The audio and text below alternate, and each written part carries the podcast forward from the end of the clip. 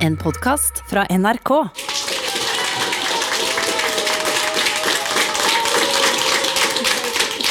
I februar presenterte kultur- og likestillingsminister Abid Raja den nye ytringsfrihetskommisjonen.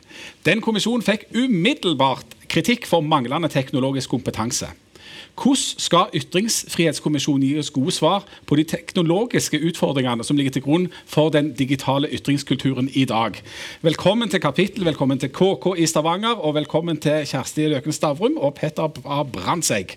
Mitt navn er Jan Sahl, jeg er journalist i Stavanger Aftenblad. Eh, Kjersti Løken Stavrum, du har vært en hel drøss med ting, og du er en drøss med ting fremdeles. Du er leder i Ytringsfrihetskommisjonen. En gang i verden ble du utdannet statsviter. Du har hatt flere redaktørstillinger både i Aftenposten og KK. Du har vært generalsekretær i Norsk Presseforbund, du er leder for Norske Penn, og så er du direktør i stiftelsen Tinius og Blommenholm Industrier. Og da bare har jeg et spørsmål helt i begynnelsen. Siden jeg da jobber i Aftenbladet, som er skipsavis, og du leder Tinius-stiftelsen, er du teknisk sett min sjef? og det var veldig fristende å si ja, men nei. Eh, og særlig fordi at uh, vi er satt opp for å sikre at du skal føle deg uavhengig. Ja, Så da er det altså ingen fare for at jeg får sparken etter nei, nei, nei, dette? Litt uavhengig av hvordan dette går. Peter Bra Brandtzæg er professor ved Institutt for medier og kommunikasjon ved Universitetet i Oslo. Han er òg sjefsforsker ved Sintef Digital, og spesialområdet hans er internett og sosiale medier. Han har forska spesielt på hvordan vår nye digitale hverdag påvirker sosiale relasjoner og samfunnsengasjement. Vi skal starte med et enkelt ja-nei-spørsmål, og jeg er allerede litt nervøs for de to svar jeg får. Er det nødvendig med en ny ytringsfrihetskommisjon bare 20 år etter den forrige? Kjersti Løken Savrum. Ja. Peter Barr seg Ja, det er det sikkert. det som hadde planlagt her med dramaturgien, det var at vi skulle ha en som skulle si nei. Det er selvsagt ikke nødvendig i det hele tatt. Eh, da får jeg bare eh, altså, Skal vi ikke få lov til å utdype? Jo, dere skal få lov til å utdype det. Hvorfor er det nødvendig allerede? Fordi eh, Den forrige kommisjonen, som gjorde et eh, fantastisk stykke arbeid, det gjorde den. Den lagde et, en, eh, en, lovplattform for ytringsfriheten. Den lagde de, den formelle ytringsfriheten i Norge. Og liksom Min favorittbit i den utredningen fra 99 er at de, når de skriver at Tenk hvis alle kunne diskutere med alle. Det hadde jo blitt en rene kakofoni. Så de forholder seg veldig takknemlig til det redigerte ord og det redigerte ordskiftet. Og det, liksom, Den setningen mener jeg forklarer hvorfor det har gått ikke bare 20 år, men det har liksom gått mange tusen digitale lysår i utviklingen. Fordi, fordi rammebetingelsene for ytringsfriheten har forandret seg. Og jeg oppfatter at vår oppgave er at vi nå skal ettergå den reelle ytringsfriheten. Eh, og så se hva vi bør skru på som følge av de funnene. Men eh, prinsippene for ytringsfriheten og det lovmessige grunnlag, grunnlaget er jo plattformnøytralt. Burde det ikke være akkurat det samme om det var på internett eller TikTok eller på brev eller avis eller hvor det var hen, Pansegg? Ja, altså Problemet med Ytringsfrihetskommisjonen i dag da, det er jo at uh, man kanskje ikke har det handlingsrommet som man hadde når den ble laget for 20 år siden. Eh, fordi nå er det helt andre betingelser, som eh, Kjersti Stavrum var inne på. Det er eh, svære teknologifirmaer borte i USA og i Kina som i stor grad legger mange av premissene også for ytringer i Norge. sånn at vi kan ikke legge de samme premissene for hvordan ytringsfriheten skal være her i Norge lenger. Nei. Og den store forandringen det er digital teknologi, rett og slett. Altså Konteksten har endra seg. Dette står òg i, i, mandatet. Eh, du har lest hele mandatet? Absolutt. Veldig grundig. Ja, det er utrolig interessant. ja. Hver eneste detalj. Men iallfall helt i starten, som jeg leste, eh, så står det at eh, digitaliseringen har endra forutsetningene for ytringsfriheten fundamentalt. Både når det gjelder produksjon, formidling og konsum av innhold og tjenester. Og det her Brandtzæg, din kritikk kommer inn. fordi at Hvis det er sånn at digitaliseringa og teknologiene har endra forutsetningene radikalt, så mener du det er en svakhet ved denne kommisjonen at det ikke er folk med teknologisk kompetanse. Hvorfor er det et problem? Det er en svakhet fordi man trenger teknologisk kompetanse for rett og slett forstå mye av det som foregår i dag. Og nå leser jeg en bok om Cambridge Analytica, f.eks.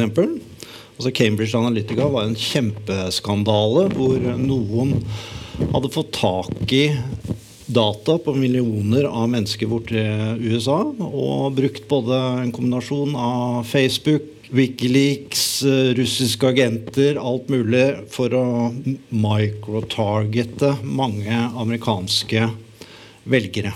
Og det endte med at man egentlig ikke helt skjønte hvordan man skulle angripe dette her. Fordi én ting er å kriminalisere ting i en fysisk kontekst. Jeg går og tar brev fra din postkasse for å finne ut hvem du er.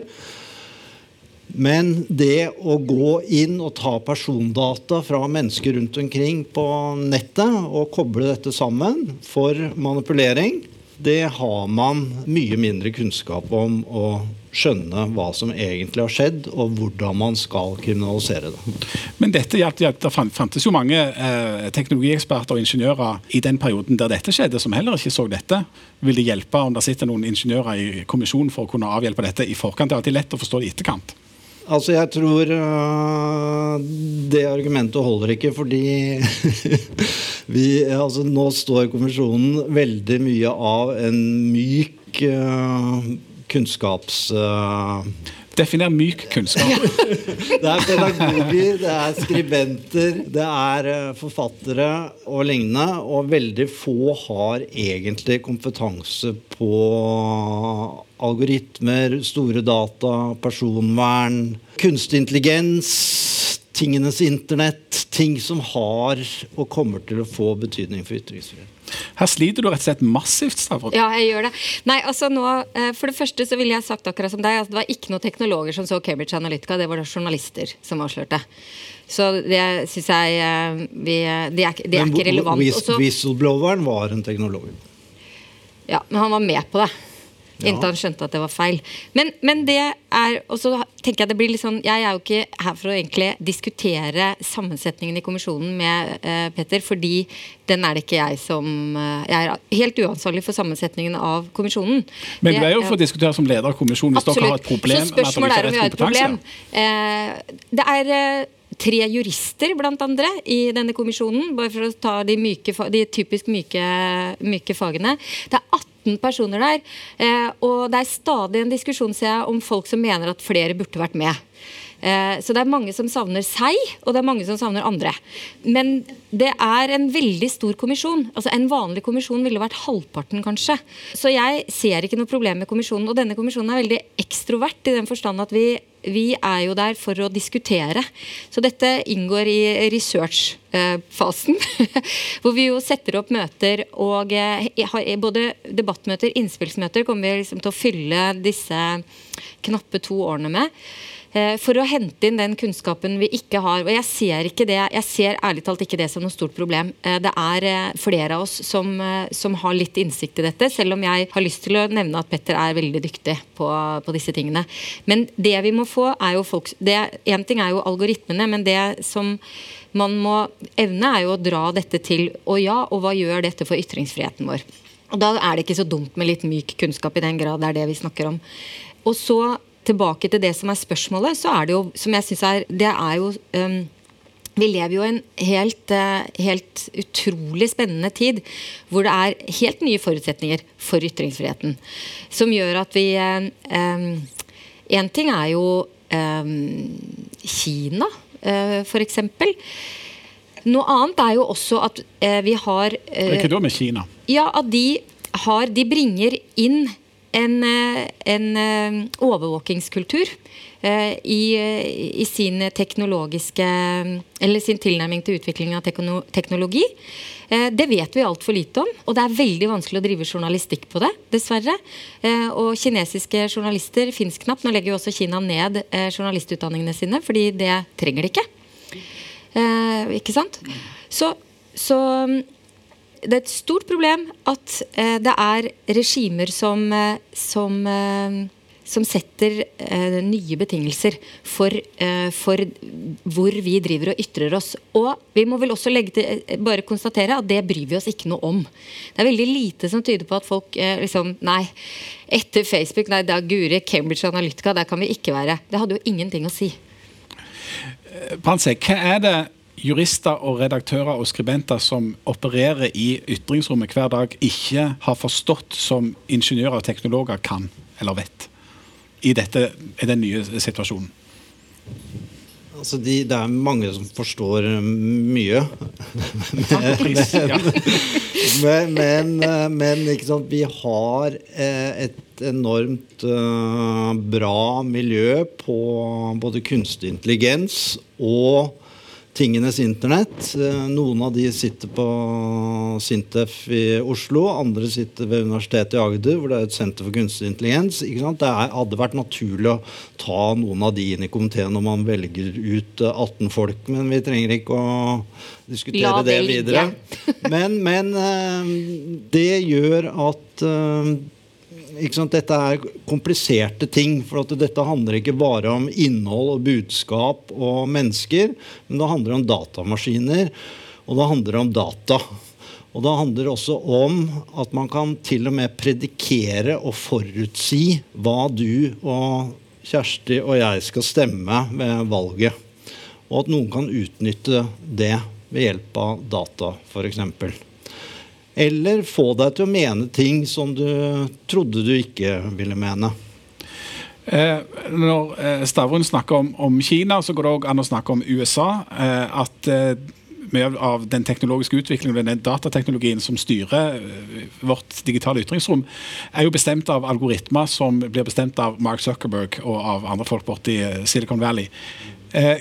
hva i all verden kan en kommisjon i Norge, om man så hadde bestått av 18 18 ingeniører eh, gjør med, med altså, Hvordan kan en påvirke eller, eller, ha noe innvirkning på det digitale rammeverket for ja, ytringsfriheten i Norge? Det er et godt uh, spørsmål. og det var bra å si det forrige spørsmålet var litt dårlig. Vi, vi, men vi har jo institusjoner i Norge, sånn som uh, Forbrukerrådet, Datatilsynet, Eh, vi har også en arm inn i EU, eh, som f.eks. har laget et nytt, ny personvernsforordning, altså GDPR, som på en måte er et ledd i å ramme disse store aktørene som på en måte påvirker oss daglig gjennom persondata, som Facebook og Google. Eh, GDPR har gjort at sant, vi eier våre egne data i stor grad. Det er derfor du må trykke på 'jeg forstår, jeg forstår, jeg forstår' hver gang du er på internett uten at du forstår noen ting. Men, at, men det viser jo også sant, hvor håpløst denne situasjonen er i. Eh, altså Hvordan vi som brukere altså Vi er ganske hjelpeløse. For at vi trykker på 'jeg forstår', men uh, vi har jo ikke orket å sette oss inn i dette her. Og En ting er at jeg eier mine egne persondata, men hva er persondata i dag? Det er veldig diffust. Altså, jeg vet hvor mye penger jeg har i banken. Jeg vet at jeg eier et hus på Tåsen. Men jeg vet ikke hvem som eier hvilke deler av mine persondata rundt omkring på internett. Altså, det er umulig for meg å vite. Kan kommisjonen din ordne opp i dette? Altså GDPR er jo lagd for å lage en, eh, en, en god og trygg ramme rundt databehandling. Og den var jo, som Petter sier, ment for å ramme de store, men den har nok mest ramma de små. Eh, så, så, og det er en eh, ekstrem læring i det.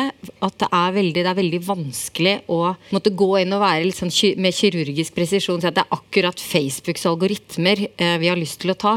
For det må, det må treffe alle, og, og, de sterkeste selskapene er veldig sterke. Så eh, Mark Zuckerberg gikk jo ut her for, for et års tid siden og ba om mer regulering. Og da liksom, ja, det yeah right. Ikke sant? Hvorfor vil han det? Jo, for at nå er han tjent med at andre blir regulert. Han selv ser ikke noen nedside ved at det blir mer regulering. ikke sant? Så hva vi kan gjøre, er um, Jeg tror jo at det er noen ting vi kan gjøre. Uh, jeg tror uh, uh, et, Så vet vi er data den nye oljen eller ei, er et, eh, er et, spørsmål som alle har sagt eh, ja på med en gang, uten egentlig gått ordentlig inn i om det er det. Og er det Er disse dataene så sofistikerte at de eh, at de utgjør en, en trussel, eh, det, det, jeg, det, har jeg i hvert fall bestemt meg for å prøve å være litt, litt mer åpen på. På den annen side så, så syns jeg det er to ting som jeg sjøl mener er veldig alvorlig. Det ene er at det er altfor lite innsyn i algoritmer og hvordan de er skrudd sammen. Uh, at vi burde det, Vi bør finne en måte En ting er den der jeg, jeg godtar cookies, jeg godtar, jeg godtar, men, men, det å få en god beskrivelse på hvordan disse algoritmene jeg forholder meg til nå, er satt opp. Hva er det de forsterker, hva er det du blir en del av? Det skulle jeg nok gjerne sett uh, det, det må vi bli bedre på. Uh, og der, der, er det så mange som er bekymret, så det, det, har jeg stor forhåpning på at det skal bli bedre. Og så er det et annet veldig stort spørsmål der, og det er om, om privatlivet i praksis er over. Fins det en privat samtale lenger? Det, det er et kjempealvorlig spørsmål uh, som jeg uh, dessverre tror at, er, at, svaret er nei, det er kanskje ikke. Er du enig med seg i den analysen, selv om hun Selv om jeg ikke har peil på det? Selv om hun står for sånn mjuke verdier? eller kunnskap? Nei, altså At personvernet er på en måte en saga blått, det har mange forskere sagt eh, allerede i ti år. Sånn at eh, sant, Innsamlingsmekanismene for persondata blir bare mer og mer avansert. Og sant, Bruker du Gmail, så leser antagelig Google eh, e-posten din også. Sånn at persondata er ikke i vårt eie lenger i stor grad. Ikke sant? Man vet altfor mye om oss. Man vet uh, kjønn, man vet uh, alder, man vet uh, hva man leser på nettet, man vet hvor man er til enhver tid. Altså Det er enorme mengder data som kobles sammen, og når dette kobles sammen, så blir det et mektig verktøy. Og Det må vi bare forholde oss til, eller går det an å gjøre noe med det? Utover det som allerede er gjort med GDPR og Altså, det, er, det, er, jo convenient også. ikke sant? Det er jo det som er problemet. Det er convenient for oss å ha en smarttelefon. Vi er blitt avhengig av å ha en smarttelefon. Sånn at vi bruker en smarttelefon i veldig mange av dagens gjøremål. Altså, bare for å komme hit i dag, så brukte jeg jo Google Maps. Selv om, selv om det Og det er jo et av problemene med disse Tenk litt på det. algoritmene. At av og til så bringer de deg jo helt på avveie også. Og det at vi bruker disse verktøyene mer og mer, og nå skal jo også internett kobles til kjøleskapet ditt, senga di og alt mulig annet rart. Men er det ytringer? Altså Dette at, blir, at blir, jo indirekte ytringer, da, fordi eh, noen får jo disse dataene. Noen vet når du kommer til å legge deg, noen vet at du har hatt en dårlig natt, og at du kanskje den natten du har hatt dårlig, så er det lurt å approache deg med akkurat den meldingen, f.eks. Men dette er en annen type en annen måte å tenke om ytringer på enn det vi vanligvis ser. Altså Om du har kontakt med kjøleskapet ditt og, og på Google Maps. Ja, ja. Det, jo, det, ble jo sagt om Frans Sinatra at han, hvis han hadde litt sånn scene følte at det var lenge siden, så tok han opp kjøleskapet og gjorde 'did five minutes in front of the fridge' i lyset av uh, kjøleskapet. Så det er jo uh, en uh, litt mer utvikling der i dialogen. Jeg vet ikke helt om eh, Men det, det, som jo er riktig, er at det er en transaksjon. Det, er en, det er sånn at jeg eh, må godta noe for å få noe. Jeg må vel nesten konkludere med, hvis vi skal tenke at det norske utgangspunktet, da, for å holde det til Norge, som gir mening Vi har en relativt opplyst mengde mennesker, høy utdannelse, og vi er veldig digitale. Og vi er storforbrukere av digitale tjenester. Så ergo oppfatter vi at dette er nyttig for oss. Og vi er villige til å inngå den transaksjonen fordi det er verdt noe for oss. Eh, og, og det vil det også være med internett og Things, selvfølgelig. Uh, og skal bare være litt sånn presis på at Personvernet og privatlivet er over, men den private samtalen er jeg opptatt av. Er det mulig nå å snakke sammen uten at det er en åpen samtale? ikke sant? Det er en del av en stor bekymring når det kommer til ytringsfrihet. fordi det å kunne ha fortrolige uh, samtaler eller private samtaler eller lufte vettet, som jeg innimellom syns kan være fint å gjøre uten å ha et publikum, det er vanskelig på den digitale samtalen. Og, og det er jo helt riktig som Petter sier. altså Gmail, Én ting er Eh, at vi da har en gratis mailtjeneste. Og det burde jo fått oss til å tenke litt etter. Hvorfor gjør de dette? Og for to-tre år siden vel så sendte Google ut meldingen at nå har vi sluttet å lese e-poster. Ja, så betryggende. Ja. Ikke sant? Altså eh, ja. ja. Men for å, å, eh, gå et skritt videre ifra en del sånn teknologi og, og, og, kommende ting, så er det jo sånn at den digitale teknologien har endra både ytringsrommet og ytringskulturen. Og dette er sånn eldgammel, Jeg er ikke noen medieviter, men jeg har lest Marshall McLuhan, som en eller annen gang på 60-tallet snakket om at medium is the message, og at form, eh, altså, altså, teknologi noe blir eh, sendt ut på, er med på å forme innholdet. Sånn at du har plass til noe annet i en tjukk bok, du kan ha plass til et lengre resonnement der enn du kan ha i en avisartikkel TV-format, hvis du har 30 sekunder til å lage et uh, nyhetsinnslag, så, så, preger det hvordan du lager det nyhetsinnslaget. På Twitter var det lenge 160 tegn du hadde uh, å, å, bruke. Og Nå er det veldig naturlig å sette over til medieprofessoren, men den digitale utviklinga har endra hele ytringsrommet og temperaturen og måten vi kommuniserer på, har det ikke det? Jo, og på godt og vondt. da? Det, nå er jo ikke veldig mange av disse teknologiske verktøyene vi omgir oss eh, til daglig, enten det er Facebook, Twitter eller YouTube, har jo masse positive sider også. ikke sant? Eh, veldig mange stemmer som kommer til overflaten som vi aldri hadde fått høre, hadde det ikke vært for Facebook, hadde det ikke vært for Twitter. Ja, for, for Det optimistiske bildet er jo at, at, den digitale teknologien har demokratisert ordskiftet. Ja da. Alle kan slippe til. Og det skal man ikke underkjenne, for det er også en veldig viktig del av det. Eh, sant, veldig mye av det som skjer i f.eks. Hviterussland nå, det får vi vite gjennom sosiale medier, For Eh, og det er flere eksempler. Altså, du har den arabiske våren, du har opprøret i Tyrkia osv. Hvor disse sosiale mediene aktivt ble brukt for å ytre seg og mobilisere, skape kampanjer, grasrotkampanjer mot styrende myndigheter. Dette er NRK P2. Du hører fra festivalen Kapittel i Stavanger, og det er leder for Ytringsfrihetskommisjonen Kjersti Løken Stavrum og medieforsker Petter Ba Brandtzæg som diskuterer hvordan redde den digitale ytringsfriheten. Dette er NRK P2. Men så finnes det en pessimistisk variant av det, som sier at det har åpna for altså at det har blitt nærmest en, en, en sånn ustyrlig kloakk. At det har blitt et ekstremt hardt klima. At folk er kjempestygge med hverandre. Og at det er jo teknologien som ligger til grunn da. Det er de ekstremene, det er de som skaper engasjement, det er de som, som blir dyrka fram. Det er de som vinner. Det er polariseringa som, ja. som rår. Og, og, jeg var med på å skrive en rapport nå i forbindelse med det norske valget i 2019, kommunevalget. Eh, fordi vi skulle undersøke sant, eh, informasjonspåvirkning utenfra. Altså er det noen eh, aktører der ute, enten statlige eller ikke-statlige aktører, som prøver å påvirke det norske valget gjennom sosiale medier.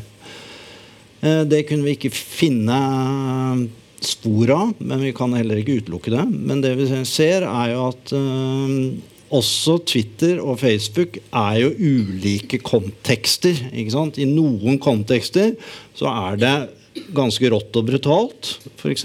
i Resets uh, Facebook-kommentarfelt eller kommentarfelt på Resets uh, nettsider.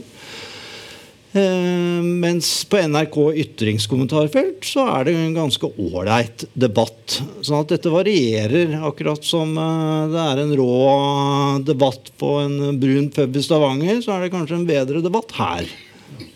Ja, Stavrum, hvordan ser du på ytringsklimaet anno 2020 i den digitale tidsalder? Jeg vil gjerne mm, være veldig tydelig på at jeg tilhører dem som mener at det har blitt helt fantastisk. Ja, eh, det I løpet av de 20 årene, for, eksempel, for å bruke, som, eh, bruke, den tiden som har gått fra forrige kommisjon som bakteppe, så, så, har vi alle fått muligheten til å ytre oss og til å meddele oss, til å diskutere med andre. Men hovedsakelig vi har fått tilgang på mye mer informasjon. Vi kan gå direkte til grunnkilden selv. Vi kan se hele talen, vi kan lese hele dokumentet. Vi er ikke prisgitt en journalist som har en mer eller mindre god eller dårlig dag på jobben. Og det et problem for ytringsfriheten at vi har blitt så problemfokusert på, eh, på dens vegne. Så vi er så problemfokusert at jeg er redd vi går inn og gjør ting som, som vi egentlig ikke burde gjøre.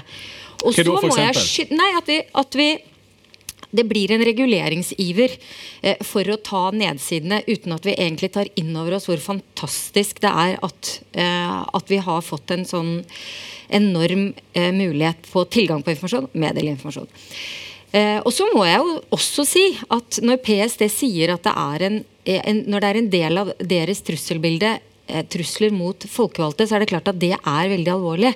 Og det må vi håndtere. Men vi er nødt til å, er nødt til å måtte, avveie ting opp mot hverandre også. Eh, og det, det, gjør vi ikke nå for tiden, sånn som jeg ser det. Jeg synes vi er Ta f.eks. dette med Sian, da, som, som blir liksom, Tenk litt over det. Det, det, helt, det altoverskyggende store problemet i ytringsklimaet i Norge nå er Sian. Det er en ikke veldig stor gruppe som veldig forutsigbart melder at de skal stå der og der, og de skal brenne Koranen, sannsynligvis med eller uten innpakket bacon, og politiet kommer til å være der. Det er et privilegium at ytringsfriheten opererer i det rommet. Eh, fordi da kan vi forholde oss til det, og vi kan eh, vi ser, vi ser det, vi kan diskutere det, og det er ikke ute av kontroll. Men vi oppfører oss som om det er helt, blitt helt insane. Men så skjer jo det, da. De kaller det jo for en krenkefest. Og Intensjonen er jo å krenke, og så oppnår de jo akkurat det. Og Det er jo òg eh, et nøkkelord for vår tid at det at Sian eller andre bruker sin ytringsfrihet eh, på mer eller mindre ekstremt eller uskyldig vis, kan føre til at noen føler seg krenka og krever at disse folka får ikke snakke, og de får iallfall ikke si sånne ting. Nei. Så tenker jeg at den beste dietten i møte med ytringsfrihet er en bolle. Med ja. rosin, da? Eller? Eh? Det kan man velge. Sjokoladebiter òg. Ja. Men, men, det er et eller annet med at det er jo også noe ekstremt forutsigbart som sagt, med, med, dette. ikke sant? Så sier jeg det, og så blir du sånn. Og Det er jo også verdt å merke seg at de aller fleste er fullt i stand til å forstå hvilket forsøk på krenkelse dette er. Eh, mens noen eh, har valgt å, å, å gjøre dette til en mulighet for å kaste noe, og det er dumt og feil og veldig uheldig. Men det vi trenger, er en eh, opplæring i prinsippene for ytringsfrihet og hvorfor vi har dem. Fordi ytringsfrihet er litt sånn eh, i strid med natur. ikke sant? Altså vi, vi, vi, liker å holde ting hemmelig, vi liker at ting er privat, vi vil ikke dele. Vi, eh, eh, og vi syns at folk burde si ting som vi er enig i, for det er ikke, det er ikke så ubehagelig. Og nå, Fra i høst så fikk jo skolen en ny læreplan, og et av de nye fagene der er demokrati og medborgerskap. Og Det er nok et fag som jeg tenker at veldig mange burde tatt. Uh, flere enn en elevene. Eh, for der inngår også ytringsfrihet. Og jeg tror det å lære seg og det å dypt forstå hvor ekstremt viktig ytringsfrihet er, det, det mener jeg er, det er et alarmerende behov for. Sånn at ikke vi snubler i beina og, og, og, gjør, eh, og skader ytringsfriheten vår. For Av og til kan det virke som om folk ikke har tenkt over at ytringsfriheten framfor alt verner om de ytringene som er kontroversielle og som er kompliserte og kan være uelegante i tillegg. da. Det, vi trenger ikke ytringsfrihet for å si helt konvensjonelle ting alle er enige om. Nei, det er jo derfor vi har den. Ja. Eh, Brandtzæg, så vidt jeg har forstått, så du, har du også hovedfag i psykologi, i tillegg til at du kan dette med teknologi? sant? Ja, hovedfag psykologi. Altså, jeg er ingen teknolog. Nei, sant? Nei. Det, du er en mann med Han er egentlig ganske myk. ja, myk, myk mann med veldig myk kunnskap her. Det var Men, uh, ja. Jeg har jobbet i mange teknologiprosjekter opp gjennom årene. Ja. Ja. Er det eh, menneskets psykologi, eller er det teknologien som får folk til å ytre seg sånn som de i dag er på sosiale medier? Og da snakker jeg ikke om de snille og koselige tingene, men at folk blir såpass ekstreme. Og at mange føler seg krenka. Er det, er det teknologien som gjør oss så polariserte, eller er det psykologien?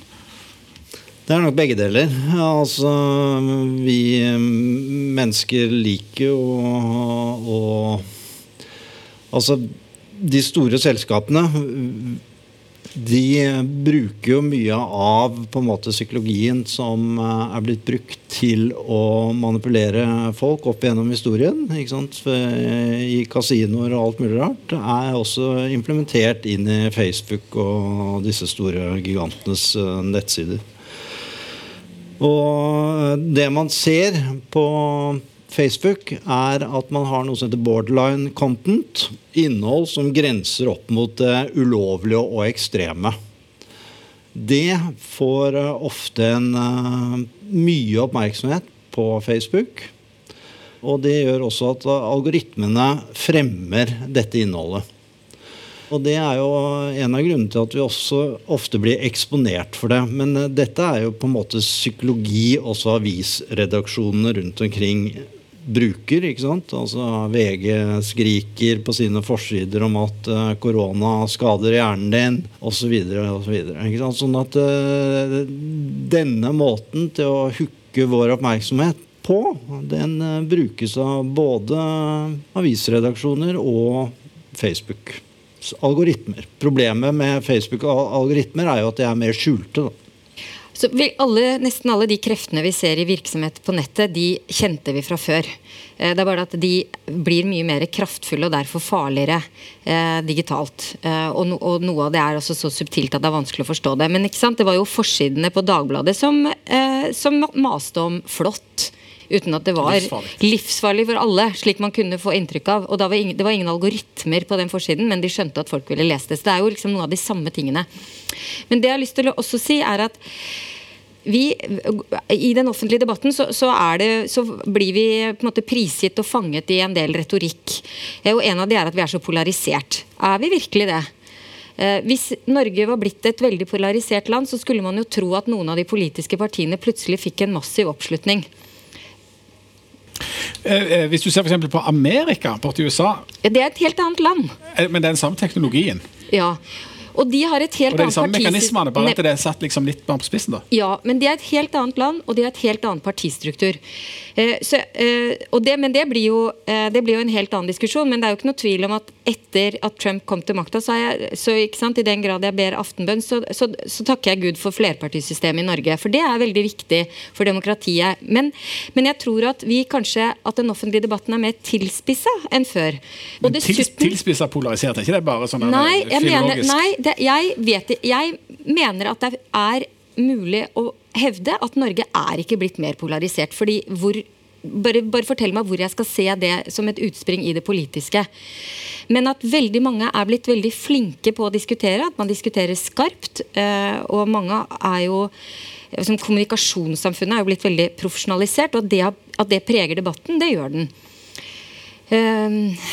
Men, men jeg, jeg, er redd for at vi liksom, igjen vi snakker ned ytringsfriheten. Vi fanges i problemer som jeg ikke er helt sikre på om vi har.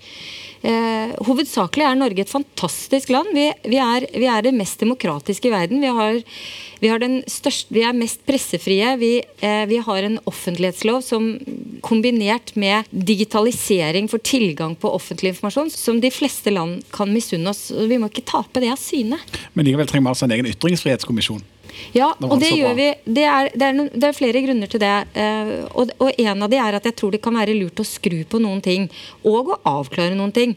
Jeg tror også at vi forveksler det at folk faktisk har behov for å diskutere en relativt raske endringer i samfunnet vårt, som f.eks. integrering.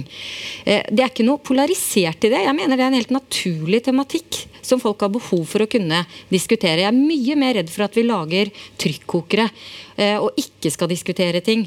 Eh, og det er mye bedre at det skjer på Facebook på åpne grupper, enn at vi tvinger det inn i Chan-rom. Men, men, eh, noen av de områdene vi eh, selvfølgelig kommer til å se på, er jo ytringsfrihet i arbeidslivet. Der mener jeg det er blitt altfor utydelig om arbeidsgiverne er, er de redd for at motforestillinger ikke skal komme frem, eller er de glad hvis de ikke hører noe?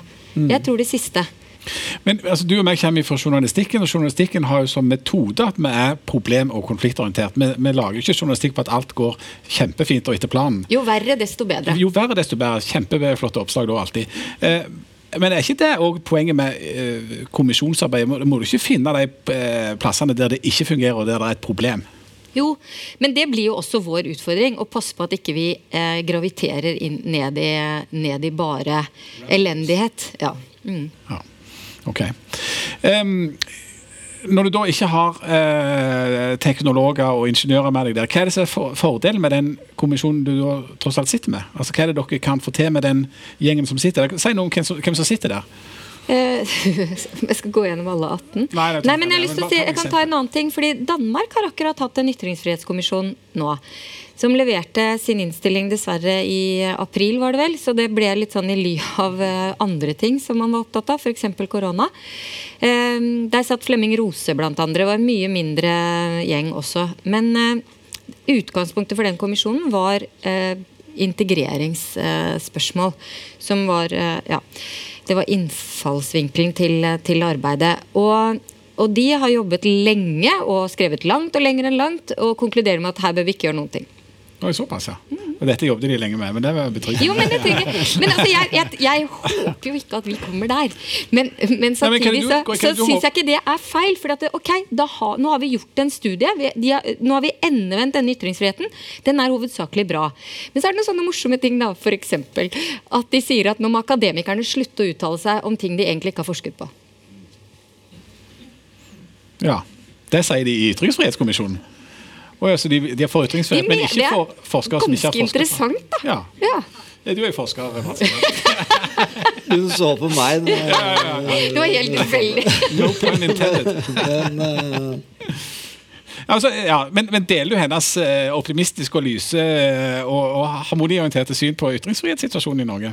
Ja, altså det kan godt hende at denne kommisjonen ender med samme konklusjon. Eh, og det virker som eh, Kjersti Løke Stavrum er godt, godt på vei til en sånn konklusjon allerede.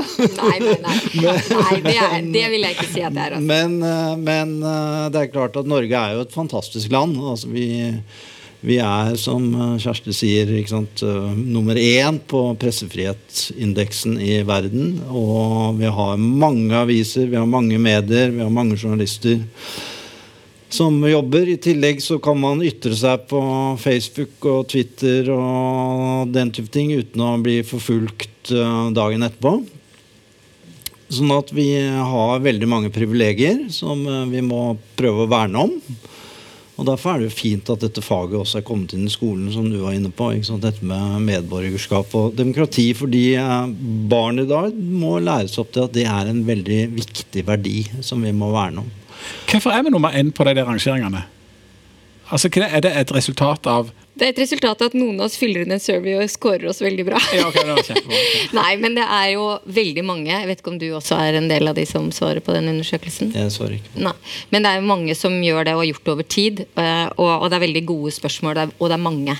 Så det er en skikkelig skikkelig svær pakke som eh, Reporters Without Borders lager. Eh, men, Men, men, vi men, altså, jeg, ja. jeg spør, men hvorfor, hvorfor er Norge i den posisjonen? Det er ingenting selvsagt i at akkurat Norge av alle land i verden skulle havne på topp der. Er det noe som har blitt gjort politisk? Er det noe spesielt med, med si, samfunnsstrukturen i Norge som skulle tilsi Eller liksom over tid har folk tenkt på dette i 50 år eller i 100 år? Hvor kommer det fra at vi havner på topp på demokratiindeks og pressefrihetsindeks og ytringsfrihet? Det er et eh, veldig interessant spørsmål, fordi at geografien med mange små bygder og folk som skula på hverandre, eh, tror jeg ikke lå liksom til grunn for, eh, for dette.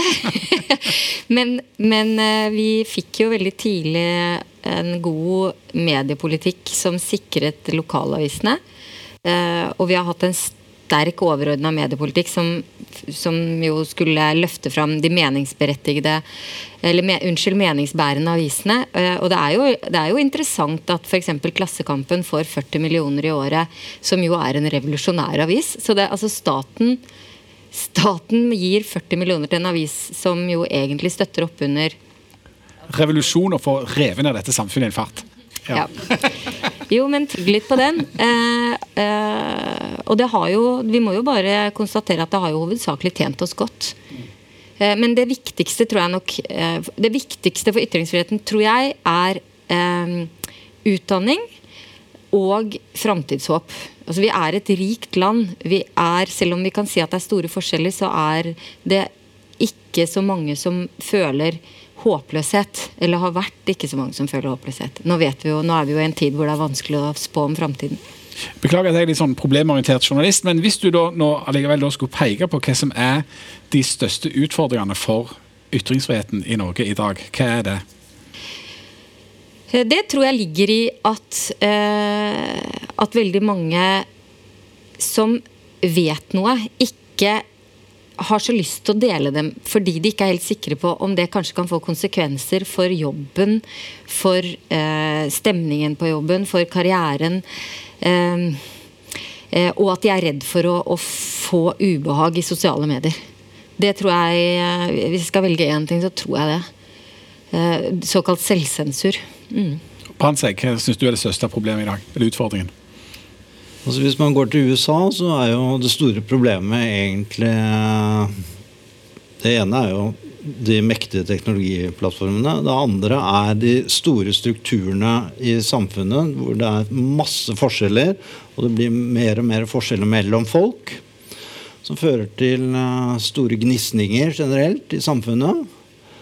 Det er en utfordring for ytringsfriheten. I USA Og- eller i Norge? I USA. Og eh, også i Norge. Altså hvis det blir større og større forskjeller i Norge, så vil det også bli en utfordring for ytringsfriheten her. sånn. Eh, og jeg tror nok også at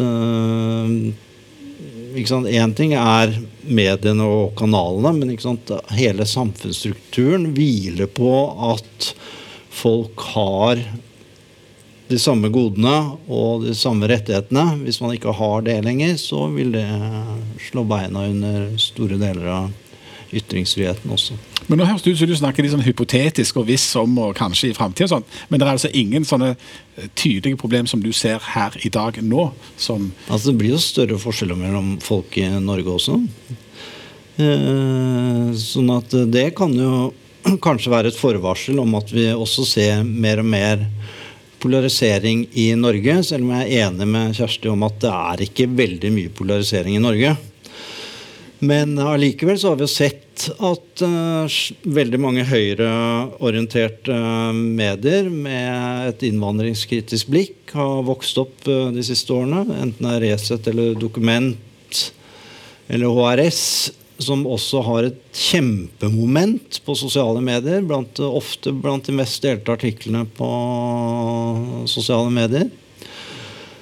Og det er jo på en måte stemmer som ikke har vært så synlige i samfunnsdebatten før nå.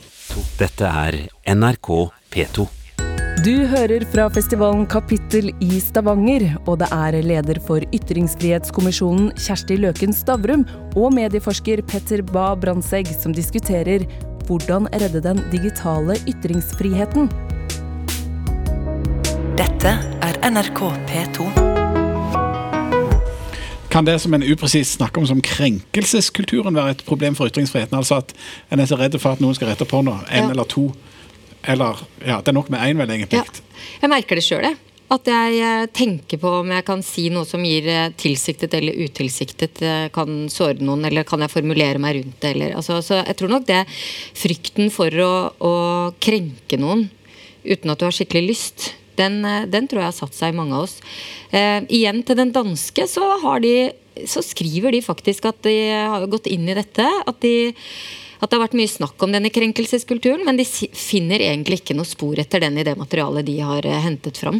Men de finner det blant journalister og sånn, som hevder det. Fordi, og de antar at det er liksom en god avistematikk.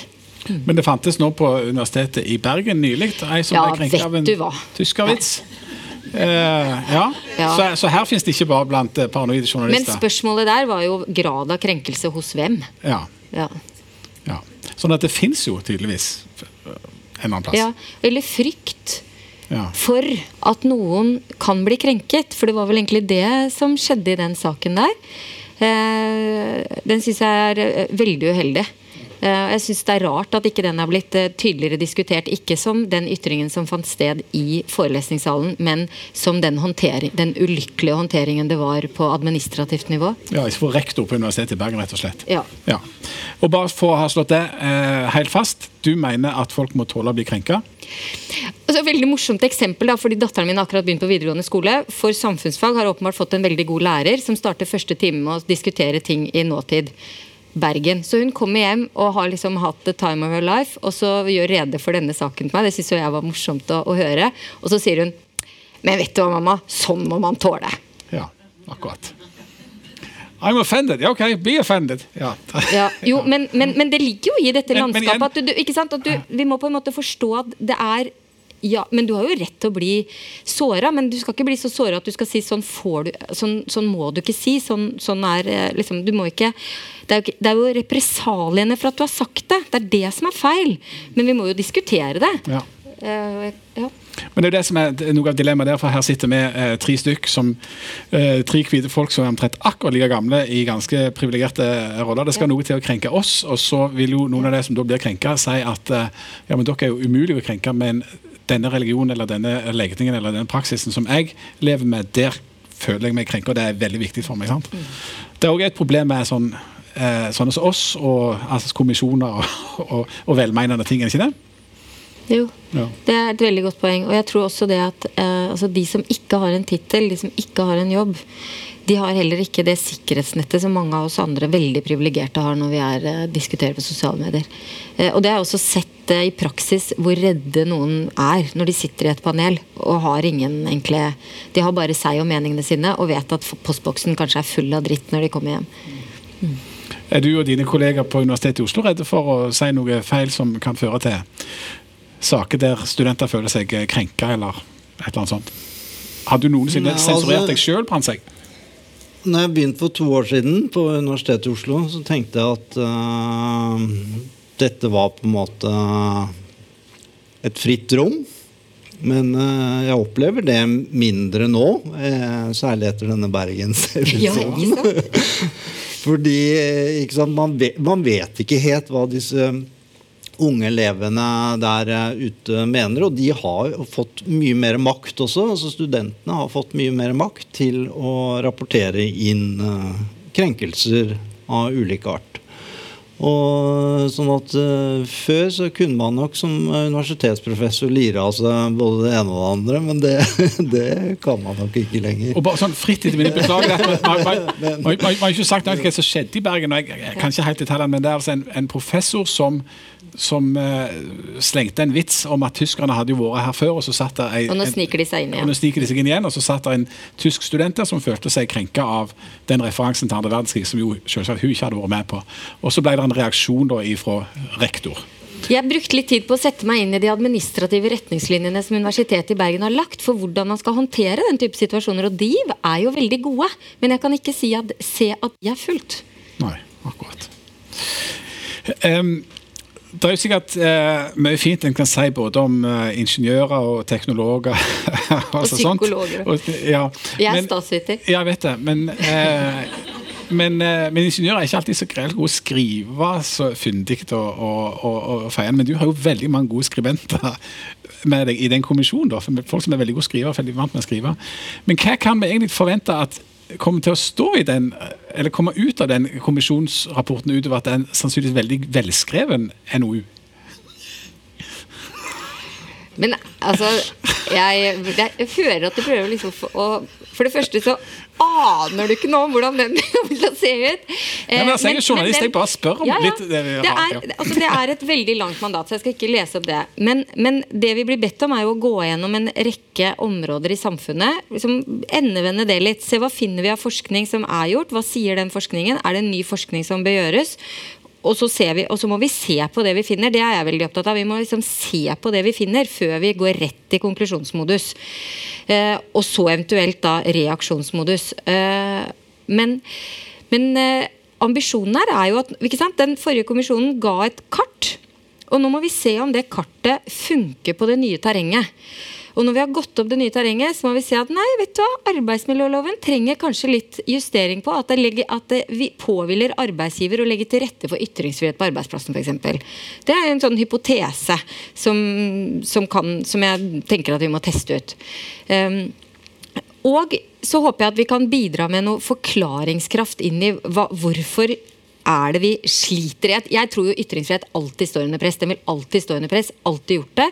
Helt fra Struense skal look him up? Eh, mannen som lagde ytringsfrihet for Norge eh, for lenge siden. For 250 år siden, akkurat nå omtrent i september for 250 år siden Journalister er ikke så gode med tall.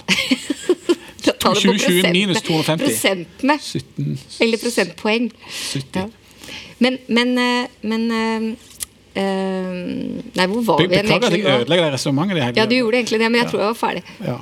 Struensee han, han kom noen veldig flotte Poenget mitt er at jeg tror ja. den blir interessant, den utredningen. Ja. Ja. Struensee var en danske som, som eh, Dette lærte jeg for en halv time siden. eh, to timer siden.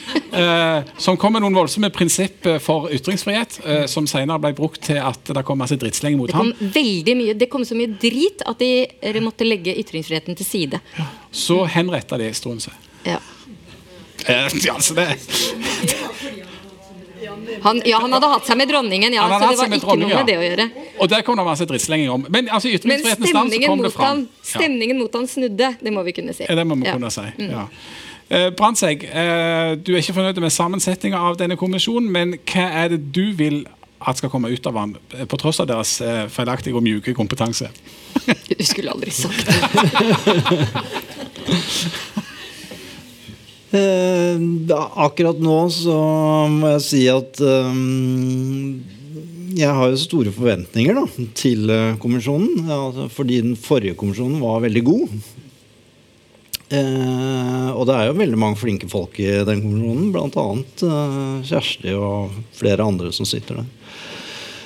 Så, og ikke sant Ytringsfrihet det er jo så utrolig mye. Eh, man kan jo Alt handler mer eller mindre om ytringsfrihet i en eller annen form.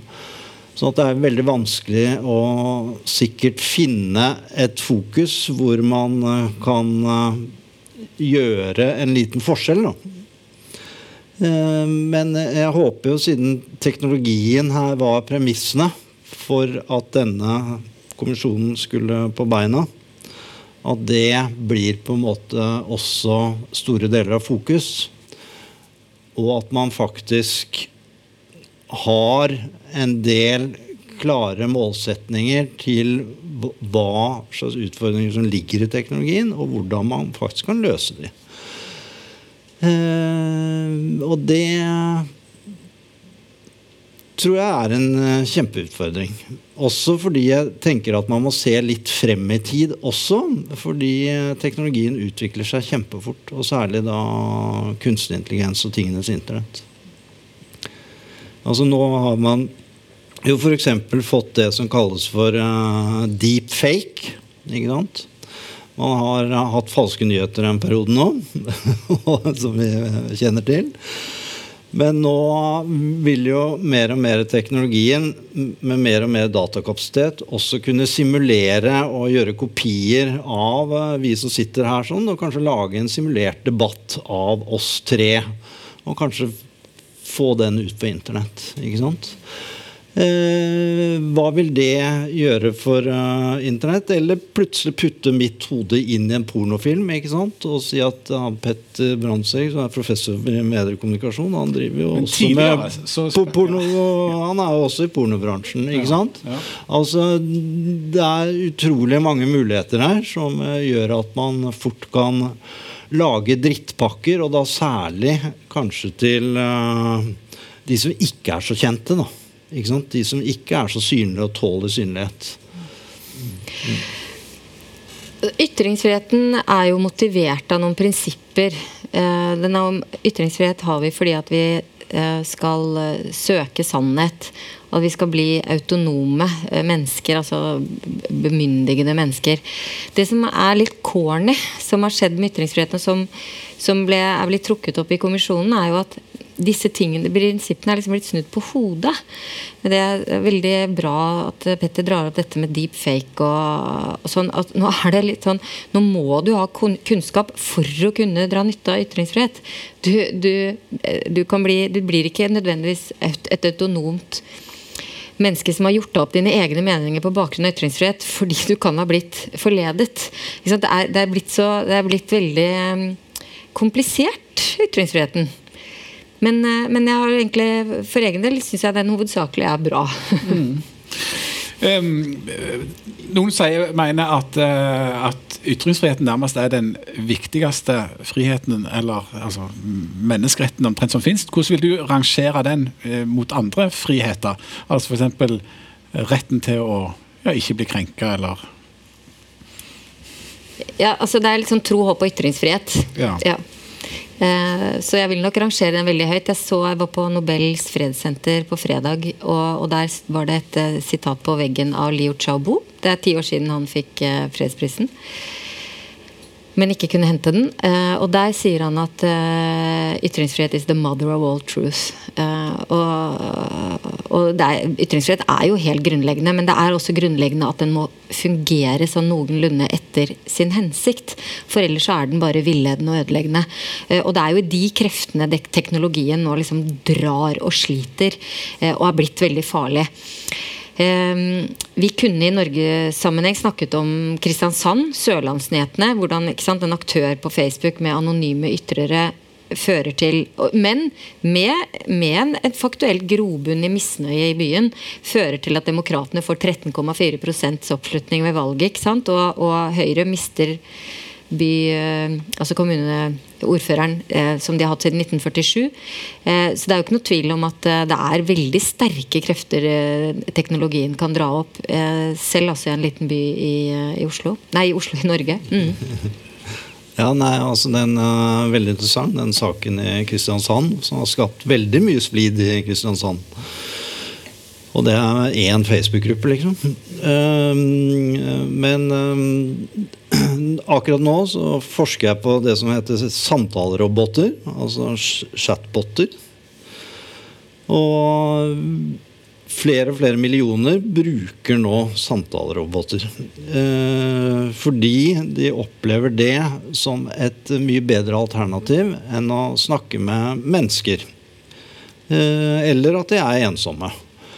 Eh, og det man ser, er at den teknologien innenfor samtaleroboter utvikler seg nå til at de også kan tolke følelser og være empatiske. Noe som gjør også at de som bruker disse, åpner seg opp i veldig stor grad. Og på den måten også leverer de veldig mye privat informasjon til disse robotene. Sånn at de Du har noe som heter Replika, du har noe som heter Wobot, du har noe som heter Mitsuku. Dette er avanserte, kunstig intelligente samtaleroboter som brukes av millioner av mennesker, også veldig mange i Norge. Eh, og det kommer til å bli brukt mer og mer som en sånn personlig assistent i vårt daglige liv, men også som en uh, sjelevenn. Eller en psykolog. Jeg skulle til å si det. Og, det jo... og, og, og, utfordringen nå er at disse selskapene vokser seg også store sant, på linje med Facebook, som plutselig ble et kjempeselskap basert på sosiale nettverk. Så blir disse nå kjempeselskaper basert på at de er maskinvenner. Eh, men altså, disse vil jo også prøve å profitere og kanskje også med å sitte på så mye persondata, så kan de jo også manipulere deg selvfølgelig i en retning i stor grad. Det hva du har ytret om fra før av. Og det er også en uh, utfordring vi ser nå komme. Det høres ut som det er både det ene og det andre. Fordeler og ulemper med alt. Fordeler og ulemper med alt. Tid skal dere levere? Vi skal levere i mars uh, 2022. Mm. Etter planen. Mm. Etter planen ja. Vi ble jo litt forsinka i våres, men eh, jeg håper vi tar igjen det. Ja. Da er det bare å glede eller grue seg. Eh, sannsynligvis med glede seg. Det blir eh, et stort og viktig arbeid uansett hvordan dere er satt sammen. Og et ekstremt privilegert arbeid. Et ekstremt privilegert arbeid. Tusen takk til dere som kom. Det blir masse andre debatter framover de neste dagene i Stavanger. Du har hørt en podkast fra NRK. Hør flere podkaster og din NRK-kanal i appen NRK Radio.